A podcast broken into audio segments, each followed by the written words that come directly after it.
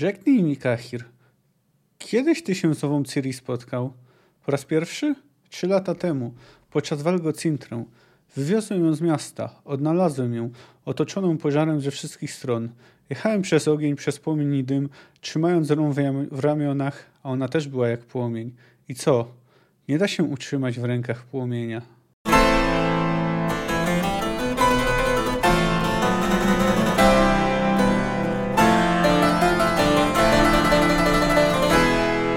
Cześć, jestem Kamil K., a Ty słuchasz mojego podcastu Fantastyka Krok po Kroku. Analizuję w nim rozdział po rozdziale lub opowiadanie po opowiadaniu wybrane książki fantastyczne. Zapraszam.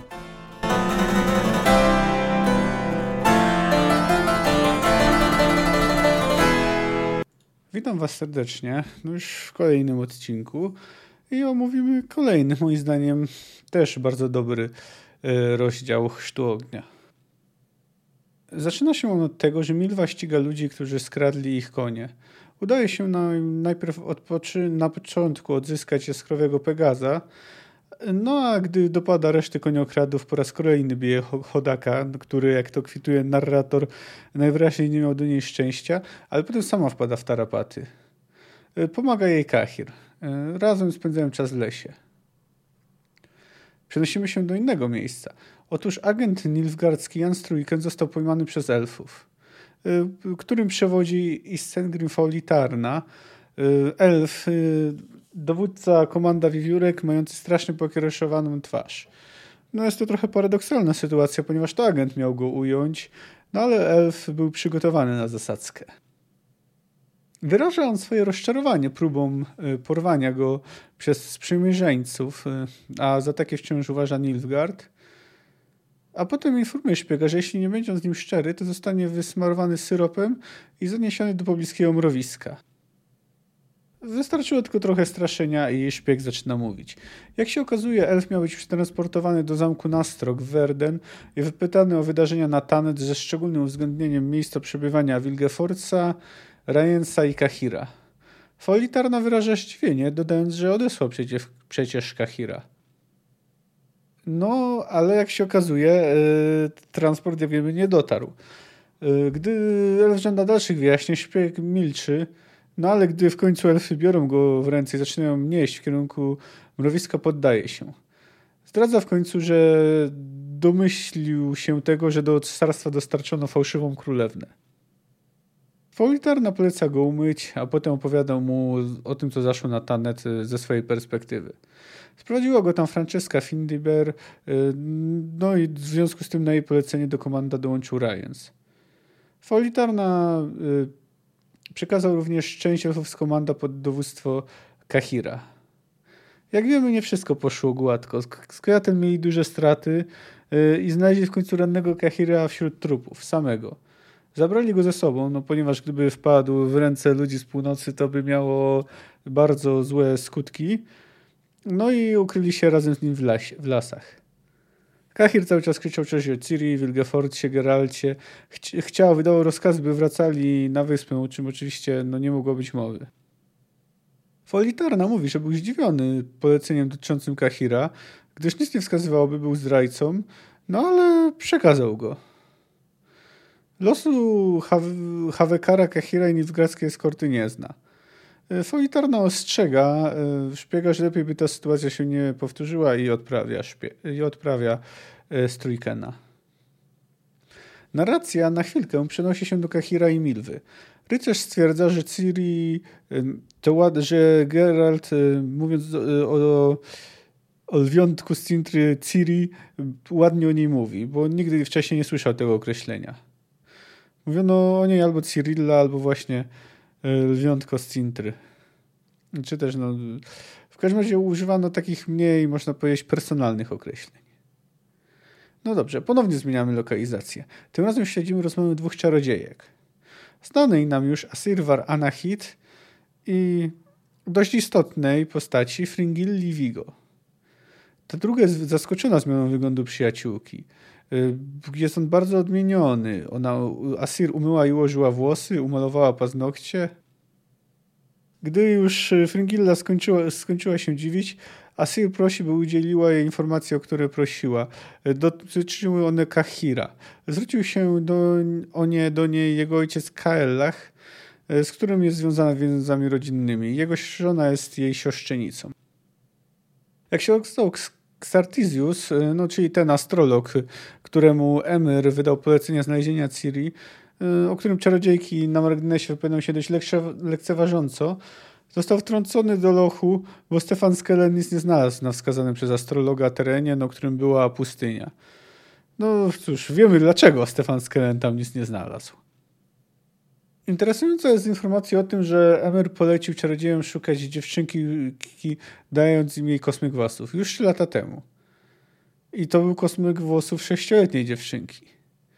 No, czarodziejki dość szybko. No, no, nie trudno się domyślić, że w takim razie Emir szuka jej już od dawna. Poza tym Fringilla informuje ją też o maskaradzie. Wie, że dziewczyna, która została przywieziona na dwór, to nie jest Cyrilla z w żadnym razie. Na koniec Asir zaprasza Fringillę na kolejne spotkanie loży. Ta akceptuje propozycję. Znów wracamy do Milwy i Kahira. Obserwują z odległości okolice bitwy. Nagle pojawia się Regis i mówi im, że Wiedźmin poeta mają kłopoty. No i teraz śledzimy właśnie y, Geralta i Jaskra. Geralt próbuje go pocieszać, mówiąc, że no, może jego uda się y, wybawić, ale poeta zdaje sobie sprawę z sytuacji, w jakiej obydwaj się znaleźli. Wie, że ma niewielkie szanse na to, by ujść z życiem. No na chwilkę wracamy do y, Milwy Kahira i Regisa. Oni właśnie dotarli do warowni pod Almerią, e, gdzie no, są y, Wiedźmin i poeta więzieni. Jaskier Regis informuje ich, że ich uwolni. Milwa powtarza Regisowi informację od Kahira o tym, że Ciri nie ma w Nilfgardzie. Wracamy do naszych więźniów. Wiedźmin słyszy, jak strażnicy zapadają w sen. Obawia się, że zaraz do środka wpadną temerscy agenci, żeby zabrać go na przesłuchanie, na co nie ma on wielkiej ochoty ale jednak pojawia się Regis i informuje, gdzie czeka na nich Milwa. Geralt dziękuję mu za ratunek, ale mówi też, że lepiej, żeby się już więcej nie spotkali. Na początku idzie im całkiem nieźle. Pokonują kolejne post y, odległości posterunki, ale w końcu wpadają na patrol. Na żądane hasło Jaskier mówi Cintro, Cintra, na który żołnierze y, najpierw buchają śmiechem, a potem żądają pieniędzy. Jaskier, zmieniając przy okazji akcent, mówi, że ma je w, bu w biucie, w bucie. E, no, na informację o tym żołnierze rzucają się e, na niego, zrywają mu jeden but, z którego lecą pieniądze, a reszta walczy o drugi. Cóż, Geralt widząc e, sytuację uderza dowódcę w szczękę. No ten wzywa na pomoc, próbuje wszcząć alarm, a poeta i Wiedźmin uciekają. Ten pierwszy bez butów. Uciekają w kierunku czegoś, co początkowo biorą za las, ale okazuje się, że to nadciągająca nilfgardzka armia. Geralt obraca się i woła do ścigających ich, że Nilfgaard nadciąga, żeby wracali, po czym jednego z nich zrzuca z konia. Znajdują się w pułapce między dwoma armiami. Jaskier dostaje strzałą w głowę. Jakoś udaje im się uciec z pola bitwy, ale Nilfgaardczycy jadą za nimi. Geralt sobie z nimi radzi. Chociaż Jaskier dramatycznie mówi, że jest na krawędzi śmierci, to poeta miał szczęście i szczała jedynie otarła się jego skroń. Geralt zakłada mu prowizoryczny opatrunek i uciekają dalej. Milwa i Kahir czekają, niepokojąc się y, tym, że wciąż nie ma ani Regis, ani Geralt Jaskier nie dają znaku życia, a zbliża się świt. Kahir mówił, że spotkał już, że spotkał Ciri, gdy wywoził ją z płonącego miasta. No słyszeliście to e, na samym początku e, odcinka. No i znowu zmieniamy lokalizację. Tym razem przenosimy się do fortu Drakenborg. No już o nim słyszeliśmy parę razy. Wiemy, że on aktualnie służy za więzienie. Cela śmierci jest też zwana celą wesołków. Atmosfera jest tam dość radosna, łącznie ze śpiewami. No, pomaga temu podawany więźniom alkohol. Jednym z więźniów jest Nazarian. I on ma niedługo, który przed tym, jak już ma zostać przeprowadzona egzekucja, jak ma zostać powieszony, decyduje się mówić. A ma o czym, ponieważ to on towarzyszył Shiru, y, no i był tam jeszcze obecny trzeci zbiór, jak wiemy, Jagła, podczas ataku na Kotringera i Fena. i dzięki niemu zastępca komendanta może wysłać raport do Dijkstry. Jak się okazało, Nazarian z Jagłą i Shiru, no Jagła jak wiemy zginął z rąk yy, Fena, śledzili Geralta i tak właśnie wpadli na trop Kordingera i Rens nakazał im go zabić. Potem, skorzystając z informacji, jakie zrobił Kordinger, por porwali właśnie tą dziewczynę z domu zbudowanego z czerwonej cegły, no, która z, z Bruk, no i ona ma właśnie zostać e, fałszywą Cyrillą. Raport trafia do Deikistry, a następnego dnia zaznajomia się z nim też e, Filipa Eilhart. Gdy w końcu e, Wiedźmin i poeta znajdują Milwę, Regis zajmuje się rannym e, Jaskrem. Gdy mówi mu, że jego krew ładnie pachnie, Wiedźmin podchodzi do niego z mieczem. Regis spokojnie kończy się opiekować poetą, a potem Geralt przykłada mu miecz do gardła. Regis przedstawia się w pełni jako Emil Regis Rochelek Terciew Godefroy. Y, Milwa zauważa, że y, Regis nie rzuca cienia. Y, Geralt każe mu się wynosić. Regis dopytuje się, ile, gdy, czy gdyby miał na niego zlecenie, to czy by je wykonał. Geralt odpowiada mu, że wątpi, by kogokolwiek było stać. Potem Geralt chce jeszcze pozbyć się Kahira, ale wtrąca się Milwa i protestuje. Odjeżdżają. Podczas następnego postoju rozmawiają. Geralt y, y, mówi do niego, że oszczędził go, bo żal mu się zrobiło i że to był błąd. A Nilfgaardczyk deklaruje, że chce uratować Ciri i mówi Wiedźminowi, że jest jeszcze jeden, że śnił zapewne jeszcze jeden sen, którego nie chciał nikomu opowiadać. No a przenosimy się teraz właśnie do Ciri. Chociaż oglądamy ją oczami szpiega Serwadia. Szczury wjeżdżają do Loredo, które jest też nazywane zbójecką posadą. Y, no, jest to miejscowość, która sporo zarabia na bandytach, którzy ją odwiedzają. Y, Mister i Ciri oddzielają się od reszty i do między stragany, no bo właśnie trwa dzień targowy. Kupują watę cukrową. Szpieg podąża za nimi. Zaczepiają je członkowie szajki Pinty, zwanego też Wydrze Chwostem. Jeden z nich podchodzi, ale nie udaje mu się dotknąć Ciri. Ta y, załatwia go mieczem. Dalszemu rozlewowi krwi zapobiega Giselher, który płaci za zabitego, jakby to powiedzieć, odszkodowanie, tak jak to jest ustalone w regułach jakiegoś bractwa. Serwado chce się wycofać, ale jeszcze zauważa, że Falka zaczyna płakać, bo upadła jej wata cukrowa. Mysl obiecuje, że kupi jej drugą. Geralt próbuje odesłać Jaskra i Milwę, twierdząc, że to cała zamieszanie to tylko jego sprawa, ale oni go w sumie lekceważą i idą przygotowywać zupę. Pojawia się Regis. Mówi, że musi zmienić opatrunek Jaskrowi, ale poświęca Geraltowi kilka słów. Przygotowując zupę, e, Geralt bierze w tym udział dopiero po wyraźnym wezwaniu Jaskra, gdy poeta mówi, żeby obrał warzywa. Regis zdradza, że ma znajomą w druidzkim kręgu w Angrenie, w Kaeddu, która wie sporo o magii, przeznaczeniu itd. Tak i tam mogą e, dowiedzieć się, gdzie może być Ciri. Rozdział kończy się dyskusją o wspólnej pracy i kooperacji i komentarzem Geralta na ten temat. No właśnie, to jest kolejny taki bardzo fajny rozdział, bardzo dobrze się go czyta. E, no jak tutaj już ze samego streszczenia pewnie łatwo się zorientować, no to autor po raz kolejny sięgnął po zabieg, który już stosował. No na przykład jeśli pamiętacie, e, gdy Geralt walczył z Micheletami, ale tu powiedzmy przeskoki są jeszcze większe. E, narracja jest mocno rwana. E, właśnie szybko się z tego miejsca w miejsce przenosi.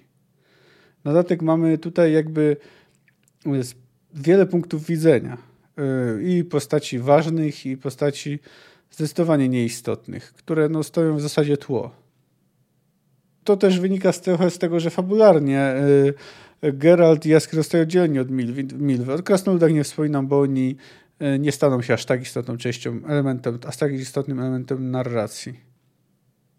No a dzięki tym pobocznym postaciom no to poznajemy albo sytuacje z innych jakby punktów widzenia, tak jak w przypadku elfów, czy dowiadujemy się rzeczy, których inaczej byśmy się nie, dowie, nie dowiedzieli. No, no na przykład y, o tym dokładnie, co się dzieje z Ciri w przyszłości no, pozwala to na przykład ironicznie kwitować poglądy pewnych postaci. No ale akurat w tym przypadku to nie ma zastosowania. No i tutaj jeszcze tak chciałbym nadmienić, jak krótkie są w większości fragmenty z Milwą Kahirem. Y, przed ich ponownym spotkaniem się z Wiedźminem i Jaskrem. są bardzo fragmentaryczne. No wiele z nich się o, Nilfgaard, o Nilfgaardczyku, który twierdzi, że nie jest Nilfgaardczykiem, nie dowiadujemy. No wiemy, że chce pomóc Ciri. No i takim najważniejszym elementem, można powiedzieć, nawet motywem tego rozdziału jest samotność y, i sens i znaczenie współpracy, mm, na ile prawda jest ona potrzebna i na ile samotni mogą sobie dać radę, y, jak ważna jest kooperacja. Geralt, jak jasno wskazuje Regis, chce wszystko zrobić sam, nie chce zaciągać długów u innych. Ale warto też wskazać to, że ci, którzy z nami jadą, robią to przecież nieproszeni. Można powiedzieć, że jest wobec nich dość niegrzeczny. Ale do tematu Geralta i jego przywiązania samotności jeszcze wrócę pod koniec odcinka. No jest to sprawa istotna i dość interesująca. Wracając do Kahira i Milwy, no to można tu dodać, że e, Kahir myślał, że Milwa jest elfką. No można się pomylić. Posługuje się łukiem, jest związana z lasem. E, wiemy też tylko, że wcześniej spotkało go wcześniej coś nieprzyjemnego, no bo to jak pamiętacie e, dogonił ich sam koń bez jeźdźca. No, z punktu widzenia samego czytelnika, informacja o tym, że Ciri na pewno nie ma w Nilfgaardzie, nie jest niczym nowym. Natomiast z punktu widzenia Geralta to jest informacja decydująca. Ona zupełnie zmieni kierunek, w którym będzie się e, poruszać grupa. Na razie no, nie poznajemy za bardzo w szczegółach y, motywów Kahira. Y, no, no, nie wiemy dlaczego zdecydował się pomóc Ciri no wiemy, że jest z nią w jakiś tam sposób połączony, jak, jakimiś tam snami. No. Czy tylko dlatego, że los ich zechnął, czy tylko dlatego, że czuje wobec niej jakieś emocjonalne przywiązanie. No nie wiemy aż tak bardzo. E, no ale powiedzmy, może nie będę teraz chodził e, w szczegóły. To też jeszcze jest dość zabawne, gdy e, Kahir czasami mówi o Nilfgaardczykach jako o swoich. No nic dziwnego, w końcu do niedawna jeszcze był członkiem ichniejszej armii. No ale brzmi to tak trochę zabawnie, zwłaszcza w zestawieniu z jego zapewnieniami, że nie jest Nilfgaardczykiem. No, w tym rozdziale po raz pierwszy też, y, może nie spotkamy się z imieniem, ale z osobą, y, czyli z Isengrimem Faulitarną. Wcześniej wspominał o nim Milwa króciutko Geraltowi. Ten elf jest inny od innych, może nie w sensie wzdawanych poglądów, bo wydaje się, że raczej nie, ale w, przy, ale w, jak chodzi o wygląd. O ile elfy generalnie są piękne, jak wiemy, no to być może, jeśli nawet Faulitarna kiedyś był, to teraz jego twarz jest oszpecona bliznami. Y, szpieg y, wywołuje to wręcz przerażenie u szpiega, którego ujął. Jest to też elf, który utracił bliskich podczas walk, y, łącznie z, krew, no właśnie z krewnymi i tak dalej. Jest doświadczony i zdeterminowany. Nie wiemy ile ma lat, w każdym razie mówi, że Walczy z ludźmi od czterech lat, od trzech jako dowódca komanda. Jest określony jako legendarny wręcz dowódca, no czyli musiał dokonać wielu rzeczy. Wiemy też, że nie stroni od tortur. No a co do wydarzeń na Tannet, no to w zasadzie wszystko widzieliśmy. Tu mamy tylko e, potwierdzenie, że no, e, atak drugiej strony też był planowany, że to Francesca e, się z nim skontaktowała. No a na koniec to dodajmy jeszcze taką uroczą wymianę zdań. A propos właśnie tych tortur. Teraz więc podjął Faulitarna, wycierając chustkę, chustką spoconą szyję. Pogawędzimy sobie, panie porywaczu. Dla ułatwienia konwersacji wyjaśnię kilka detali. W tej oto łagiewce znajduje się klonowy syrop. Jeśli nasza rozmowa nie będzie przebiegała w duchu wzajemnego zrozumienia i daleko idącej szczerości, wspomnianym syropem wysmarujemy ci obficie głowę ze szczególnym uwzględnieniem oczu i uszu. Potem umieścimy cię na mrowisku, o, tym właśnie, po którym biegają sympatyczne i pracowite owady. Dodam, że metoda znakomicie sprawdziła się w przypadku kilku do, Duan i Angivar, którzy okazywali wobec mnie upór i brak szczerości. Jestem w cesarskiej służbie! Wrzasnął szpieg blednąc. Jestem oficerem cesarskich służb specjalnych, podwładnym pana Watera Darida, wicehrabiego Eidon. Nazywam się Jan Strójken. Protestuję. Fatalnym zbiegiem okoliczności, przerwał elf, tutejsze czerwone mrówki łasce na klonowy syrop nigdy nie słyszały o panu Derridao. E, no więc właśnie, to więc powiedzmy, że elf też wykazuje się e, pewną inteligencją i poczuciem humoru. No ale trzeba też pamiętać, że jest to człowiek, nie człowiek, elf raczej bezwzględny. fragment, w którym śledzimy rozmowę Frengili i Asir, pozornie też nie wnosi wielu nowych informacji. Chociaż nie do końca. W końcu dowiadujemy się tutaj, że Emir szuka dziewczynki już od dawna. Nawet nie od trzech lat. Ma kosmyk jej włosów, z którym porównuje. Ta cała obsesja i to wszystko, i to na że ma, miał dostęp do jej włosów, no to zaczyna tworzyć jakąś spójną narrację. Oczywiście to nie jest żaden dowód na tożsamość Kahira, natomiast y, no, mamy dość wyraźną podpowiedź co do tego, y, że faktycznie Emery i Duny mogą być tą samą osobą. Można powiedzieć, że klocki zaczynają trafiać we właściwe miejsca. No w tym fragmencie mamy też potwierdzenie zdrady Skelena, bo jak wiemy, y, astrolog wcale nie spartaczył roboty. No ale Skelen nie chciał Ciri znaleźć, więc jej nie znalazł. Po prostu miał pecha. O ile zdradę Skelena można nazwać pechem, oczywiście. No też dowiadujemy się, w sumie przesadziłem, że to jest niewiele informacji, bo jednak trochę się dowiadujemy. No na przykład też e, a propos sytuacji magów w Nilfgardzie.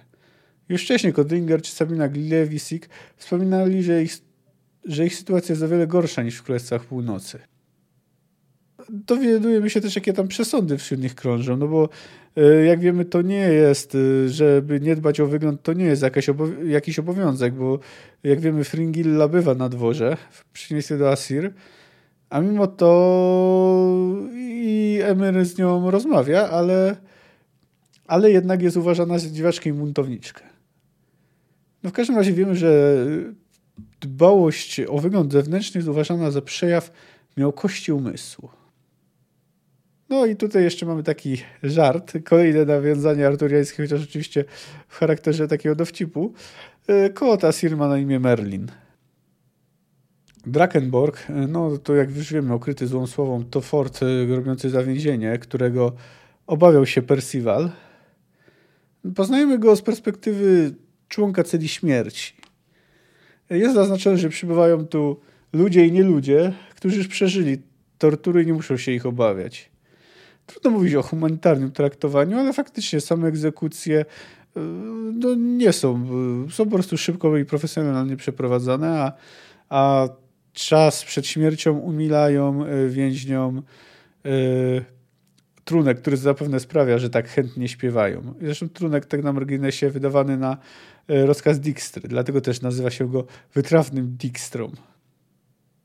Bohaterem tego fragmentu jest właśnie Nazarian i dzięki temu dowiadujemy się, Yy, może nie my się dowiadujemy, ale dzięki temu Dijkstra, a poprzez niego Filipa Eilhart dowiadują się, że prawdziwej Ciri nie ma w Nilfgardzie.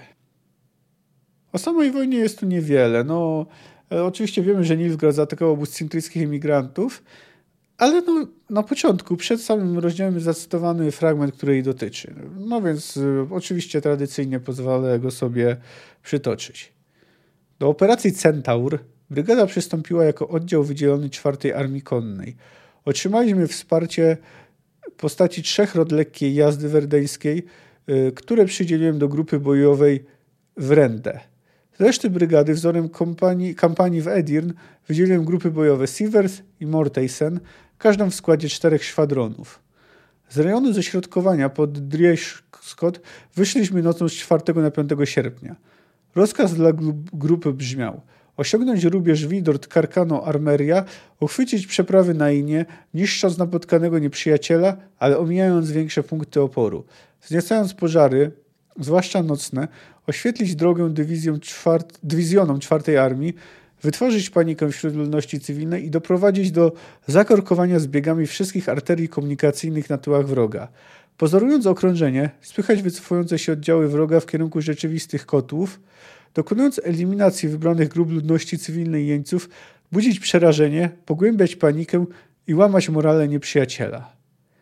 Zadania powyższe brygada wykonała z wielkim żołnierskim poświęceniem. Elan Trache za cesarza i ojczyznę, chwalebny szlak bojowy 8 Darlańskiej Brygady Kawalerii.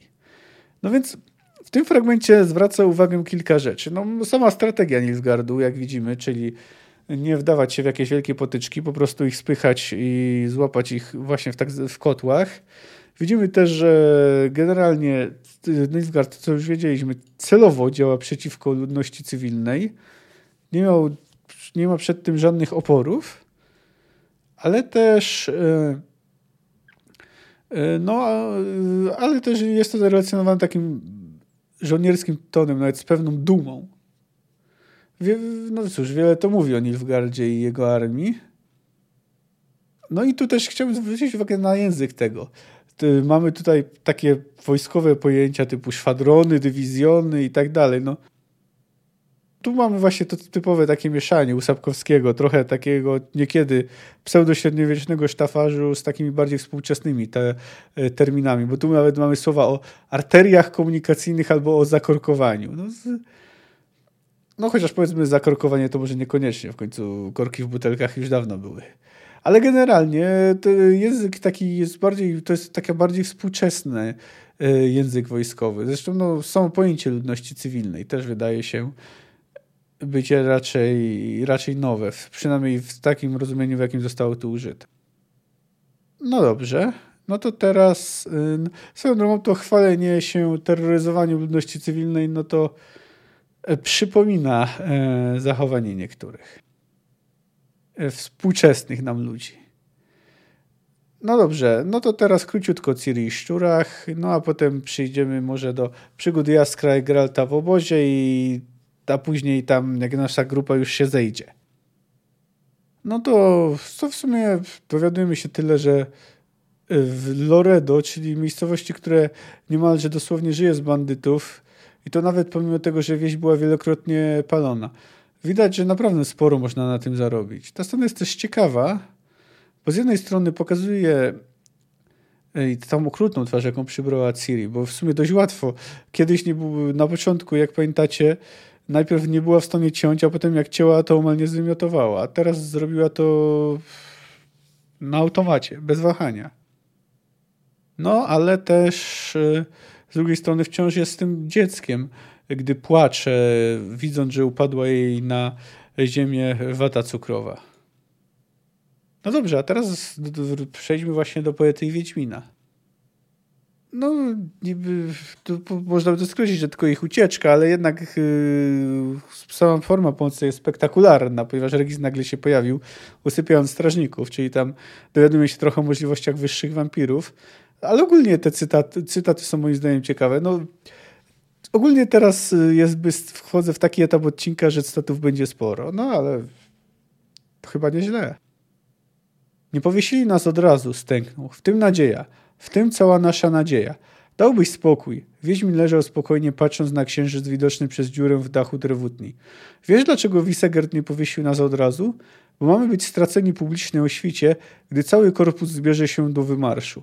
W celach propagandowych. Jaskier zamilkł. Geralt słyszał, jak sapie z, jak sapie z przejęciem. Ty jeszcze masz szansę się wymigać, powiedziałby go uspokoić. Na mnie Wisegard chce zwyczajnie wywrzeć prywatną zemstę. Do ciebie nic nie ma. Twój znajomy hrabia wyciągnie cię z opresji, zobaczysz. Gówno, odrzekł Bart ku Wiedźmina spokojnie i całkiem rozsądnie. Gówno, gówno, gówno. Nie traktuj mnie jak dziecka.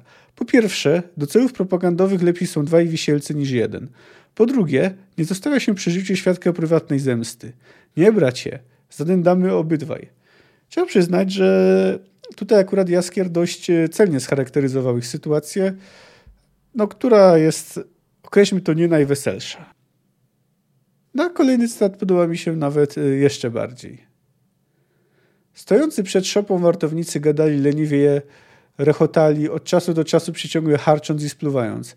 Wartownicy byli żołnierzami zawodowymi. Dawało się to poznać po zadziwiającej umiejętności porozumiewania się za pomocą zdań złożonych wyłącznie z zaimków i obrzydliwych plugastw. Tu już bardzo mi się podoba to sformułowanie, ale kontynuujmy. Geralt Czego? Ciekawe, co stało się z Milwą, Zoltanem, Percivalem, Regisem. Nie widziałeś ich? Nie. Wcale nie wykluczam, że w czasie potyczki zarąbali ich albo stratowali końmi. Tam w obozie trup na trupie leżał. Nie wierzę, oświadczył Jaskier twardo i z nadzieją w głosie. Nie wierzę, by tacy spryciarze jak Zoltan, Percival albo Milwa przestań się łudzić. Jeśli nawet przeżyli, nie pomogą nam. Dlaczego? Z trzech powodów. Po pierwsze, mają własne kłopoty. Po drugie, Leżymy związani w szopie stojącej w centrum obozu kilkutysięcznego korpusu. A trzeci powód? Mówiłeś o trzech.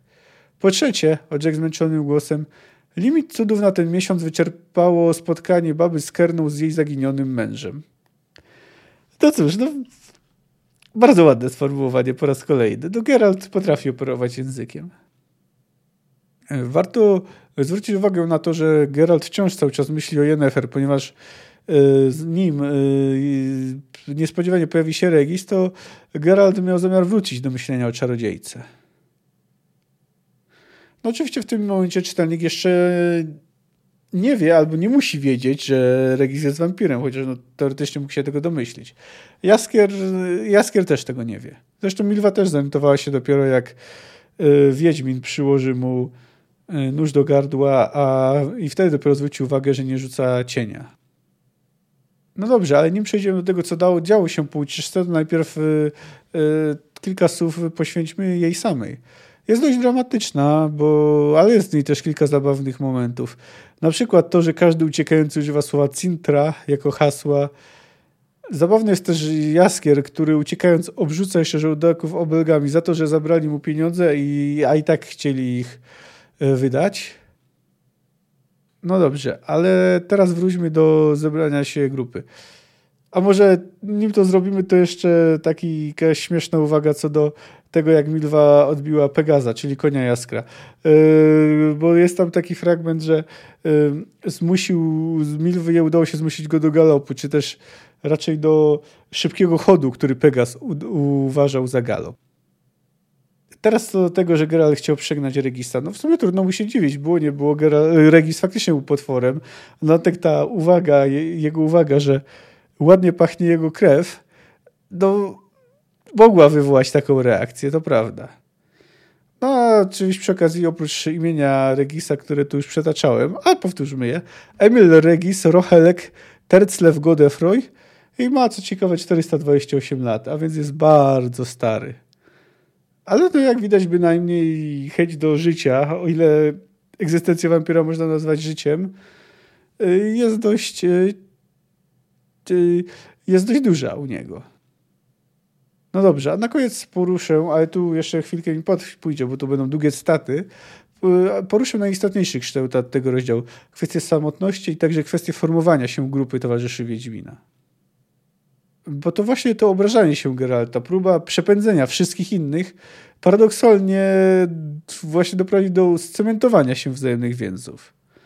No, oczywiście pewien, y, y, pewne znaczenie ma też udział we wspólnym gotowaniu zupy. Chodźcie no tu oboje. Zostawcie ten więcierz i chodźcie tu. Mam wam coś do powiedzenia. Wracacie do domu, zaczął bez ogródek, gdy podeszli mokrzy i śmierdzący rybą. Na północ w kierunku Mahakamu. Ja jadę dalej sam. Co? Rozchodzą się nasze drogi, Jaskier. Dość tej zabawy. Wracasz do domu pisać wiersze. Milwa przeprowadzi się przez lasy. O co chodzi? O nic. Milwa gwałtownym ruchem odrzuciła włosy z ramienia. O nic. Mów, Wiedźminie. Ciekawam tego, co powiesz. Nie mam nic więcej do powiedzenia. Jadę na południe na tamten brzeg Jarugi, przez terytoria nilfgardzkie. To niebezpieczna i daleka droga, a ja nie mogłem zwlekać.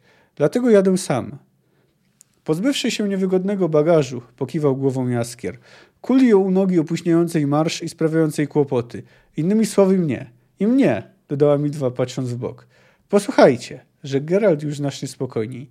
To jest moja własna osobista sprawa. To wszystko was nie dotyczy. Nie chcę, byście nastawiali karku za coś, co dotyczy wyłącznie mnie.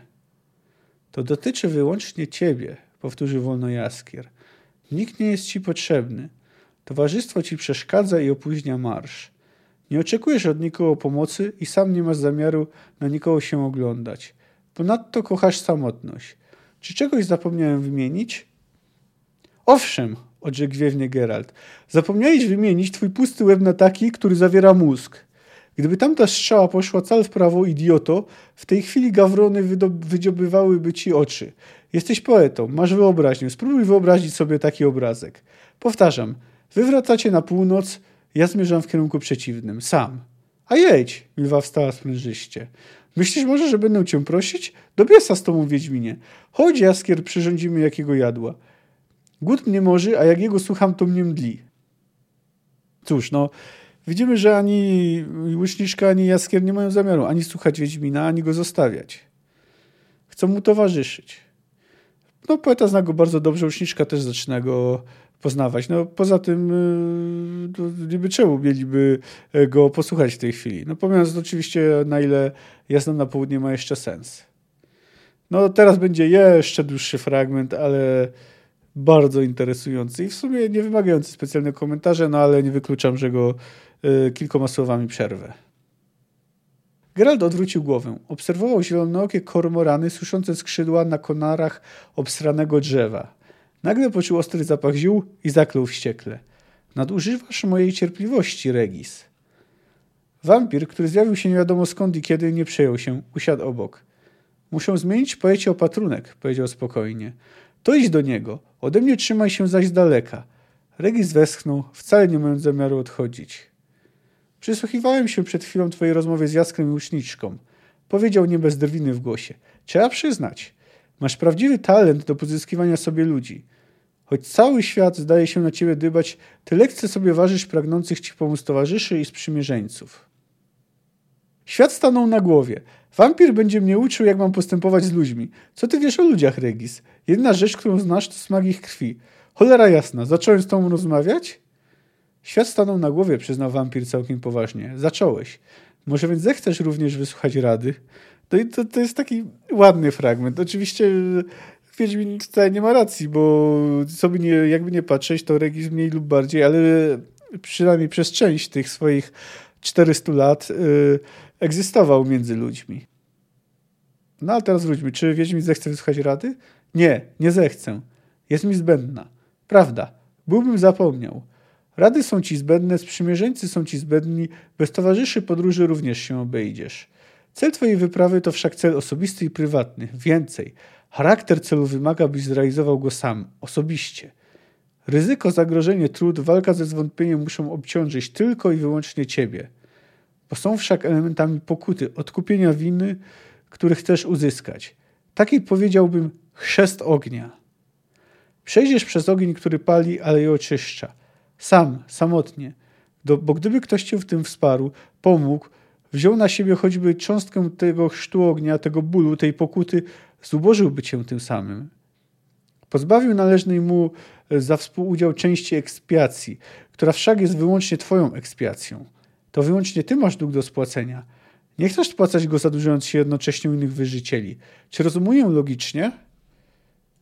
No więc właśnie, tutaj wydaje się, że Regis ustalił to jakby dobrze odczytał Geralta. O to właśnie chodzi, że tu właśnie chodzi o to, że oczywiście Geralt chce odzyskać Cyrię, ale czuje, ale wie, że to jest mało prawdopodobne.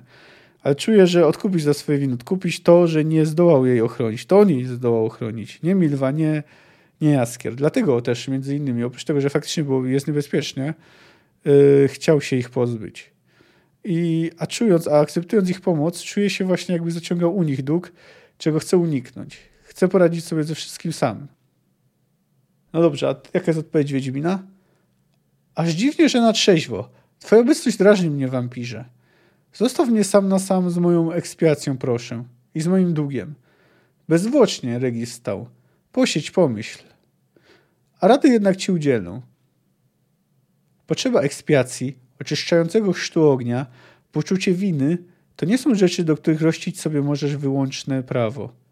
Życie tym różni się od bankowości, że zna długi, które spłaca się zadłużeniem u innych. Odejdź proszę, bezzwłocznie. W sumie z tą bankowością to sprawa jest bardziej złożona, no ale generalnie to Regis ma rację. O tyle, że faktycznie, że no, pewne rzeczy, pewne cele trzeba osiągnąć z pomocą innych, bo samemu jest o to bardzo trudno albo jest to wręcz niemożliwe. No inna sprawa, że no też Geralt wiele rzeczy zrobił prawie że sam. No chociaż i w tych sytuacjach często. A to na przykład, gdy pomógł Foltestowi, to przecież go później leczono. Na, e, le, leczono. Chociaż teoretycznie niby nie byli takiego obowiązku. Albo Jurga mu pomógł, też w sumie bezinteresownie. No inna sprawa, że wcześniej Geralt zdecydował się też mu pomóc. No w każdym razie Regis mu wyraźnie wskazuje, że inni też może potrzebują odkupienia też chcą zmyć swoje poczucie winy. No wiemy, że Jaskier na pewno w końcu sam wtedy, gdy miał wizję Driady, czy też mówiła do niego faktycznie Driada, też czuł, że może jednak mógł zrobić więcej jako przyjaciel Geralta, e, gdy Geralt stracił wszystko. No dobrze, ale teraz wróćmy do końcowego etapu, no, który jest chyba najbardziej interesującym momentem tego rozdziału. Ale się nażarłam, stęknęła Milwa. To nie głupi był pomysł z tą polewką jaskier. W rzeczy samej przyznał Regis. Co powiesz, Geralt? Powiem, dziękuję. Wiedźmin wstał z trudem, pomasował kolano, które znowu zaczął kąsać ból. Wystarczy? Czy potrzebne są fanfary? Z nim tak zawsze, machnął ręką poeta. Nie przejmujcie się nim. I tak macie szczęście. Mnie przyszło być z nim wówczas, gdy kłócił się z tą jego Jennefer. Bladą pięknością o hebanowych włosach. Dyskretniej, upewniał go wampir. I nie zapominaj, on ma problemy. Problemy, Kahir stłumił beknięcie, należy rozwiązywać. Ba, rzekł Jaskier, ale jak? Milwa parsknęła, wygodnie układając się na gorącym piasku. Wampir jest uczony, ani chyby wie. Rzecz polega nie na wiedzy, lecz na umiejętnym zważeniu koniunktur, rzekł spokojnie Regis. A gdy się koniunktury zważy, dochodzi się do wniosku, że mamy do czynienia z problemem nierozwiązywalnym. Całe to przedsięwzięcie jest pozbawione szans na sukces. Prawdopodobieństwo odnalezienia Ciri równa się zeru. Ależ tak nie można, zachpiła Milwa. Trzeba dumać pozytywnie i inicjatywnie. To tak, jako z tym sitem. Jeśli nie mamy, zastąpmy czym innym. Tak sobie myślę. Do niedawna, ciągnął wampir, sądziliśmy, że Ciri jest w Nilfgardzie. Dotarcie tam i wyzwolenie, czy też wykradzenie jej wydawało się przedsięwzięciem ponad siły. Teraz, po rewelacjach Kahira, w ogóle nie wiemy, gdzie Ciri jest. Trudno mówić o inicjatywie, gdy nie ma się pojęcia, w którą stronę ją skierować. Cóż wtedy mamy czynić? żachnęła się Milwa. Wiedźmin upiera się, by na południe ruszyć. Dla niego, uśmiechnął się Regis, strony świata nie mają specjalnego znaczenia. Wszystko mu jedno, w którą ruszyć, byleby nie siedzieć bezczynnie. Iście wiedźmińskie principium. Świat pełen jest zła. Wystarczy tedy iść, gdzie oczy poniosą, a napotykane po drodze zło unicestwiać. Tym sposobem przysłużyć się sprawie dobra. Reszta przyjdzie sama. Inaczej mówiąc, ruch jest wszystkim celniczym. No, tutaj Regis lekko przesadził. Zresztą sam się do tego przyzna, zresztą zwróci też na to uwagę Milwa. Osielstwo, skomentowała Milwa. Wżdy jego cel to Ciri. Jakże to? Ona niczym. Żartowałem sobie, przyznał wampir, łypiąc na wciąż od odwróconego plecami Geralta. I to niezbyt taktownie. Przepraszam. Masz rację, droga Milwo. Nasz cel to Ciri. A ponieważ nie wiemy, gdzie ona jest, sensownie jest dowiedzieć się tego i odpowiednio ukierunkować działania. Sprawa dziecka niespodzianki, jak zauważam, aż tętnie od magii, przeznaczenia i innych nadprzyrodzonych elementów. A ja znam kogoś, kto w takich sprawach świetnie się orientuje i zapewne nam pomoże. Ha, ucieszył się Jaskier. Kto to taki? Gdzie? Daleko? Bliżej niż stolica Nilfgardu. Dokładnie rzecz biorąc całkiem blisko, w Angrenie, na tym brzegu Jarugi. Mówią o druidzkim kręgu, mającym swoją siedzibę w borach na Kaeddu. Ruszamy bez zwłoki. Czy nikt z was, zdenerwował się wreszcie Geralt, nie uważa za stosowne zapytać mnie o zdanie? No cóż, no trudno się Geraltowi dziwić. To z drugiej strony on naprawdę nie ma pojęcia, co robić, bo to jazda na południe w jego sytuacji to jest nawet trudno to nazwać szukaniem igły w stogu siana. W sumie to byłoby takie liczenie na przeznaczenie. Ciebie? Jaskier odwrócił się. Ty wszak pojęcia nie masz, co czynić. Nawet zupę, którą chłeptaj zawdzięczasz nam. Gdyby nie my, byłbyś głodny. I my też, gdybyśmy czekali na Twoją aktywność. Ten kociołek zupy to dzieło kooperacji. Efekt wspólnego działania grupy, drużyny zjednoczonej przez wspólny cel. Pojmujesz to, przyjacielu? No, te takie trochę sztucznie brzmią te słowa Jaskra, tak w mojej opinii, chociaż no oczywiście jest w nich prawda, żeby nie było. Jakże jemu to pojąć, wykrzywiła się Milwa. On cięgiem tylko ja i ja, sam samotnie. Wilk samotnik. Widać, że żaden łowca z niego, że z lasem nieobyty. Nie wilcy samotnie. Nigdy. Wilk samotnik. Ha! Łeż to, głupie mieszczuchów bajanie. Ale on tego nie pojmuje. No właśnie, tutaj Milwa w zasadzie ma kolejną rację. No, I a propos wilków, i ogólnie a propos ludzkiego społeczeństwa. Chociaż yy, też zaraz usłyszymy przesadę z o samotników, o samotnikach, no ale to zostawmy. Powiedzmy, uznajmy, że Jaskier zastosował poetycki środek y, znany jako hiperbola. Ależ pojmuje, pojmuje, uśmiechnął się Regis swoim zwyczajem z zaciśniętymi wargami.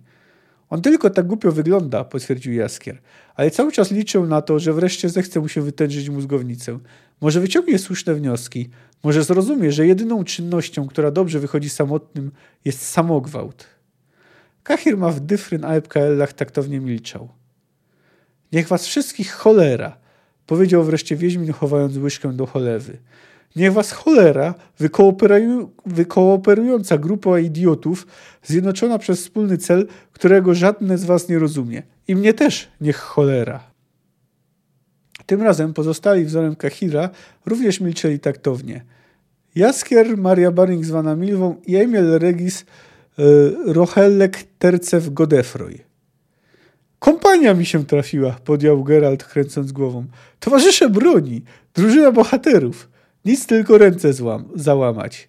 Wierszokletarz lutnią, dzikie i pyskate półdriady półbaby, wampir, któremu idzie na pięćdziesiąty krzyżyk i cholerny Nilfgardczyk, który upiera się, że nie jest Nilfgardczykiem. No, lubię bardzo ten cytat. Takie złośliwe, celne, trochę prawdziwe podsumowanie. To muszę przyznać, że tak jakbym robił ranking cytatów, kto wie, może jak już skończę omawiać wszystko, to zrobię, to ten byłby na pewno w czołówce. No ale to nie koniec. A na czele drużyny Wiedźmin, chory na wyrzuty sumienia, bez siły i niemożność podjęcia decyzji, dokończył spokojnie Regis. Zaiste, proponuję podróżować incognito, by nie wzbudzać sensacji. I śmiechu, dodała Milwa. To ogólnie bardzo lubię zakończenie tego rozdziału. Jest i dowcipne, ale przecież nie jest tak zupełnie płytkie. No, zresztą ta wiadomość o znaczeniu kooperacji i tak dalej jest tu wprost y, przekazana, więc też nie jest trudna do zrozumienia. W ogóle ten rozdział jest bardzo dobry. Wprawdzie w dużej mierze składa się z dialogów, ale dialogi to często to, gdzie Sapkowski błyszczy, a tu radzi sobie doskonale i pod względem językowym. Y, różne postacie naprawdę mówią zupełnie inaczej pod względem treści. No, powiem tak, y, bardzo przyjemnie czyta się rozdziały Chrztu Ognia. No a za tydzień no, już będzie trochę więcej polityki, y, kombinacji y, genetycznych przy dynastii. Wreszcie ponownie spotkamy też Jennefer. Do usłyszenia za tydzień. Cześć.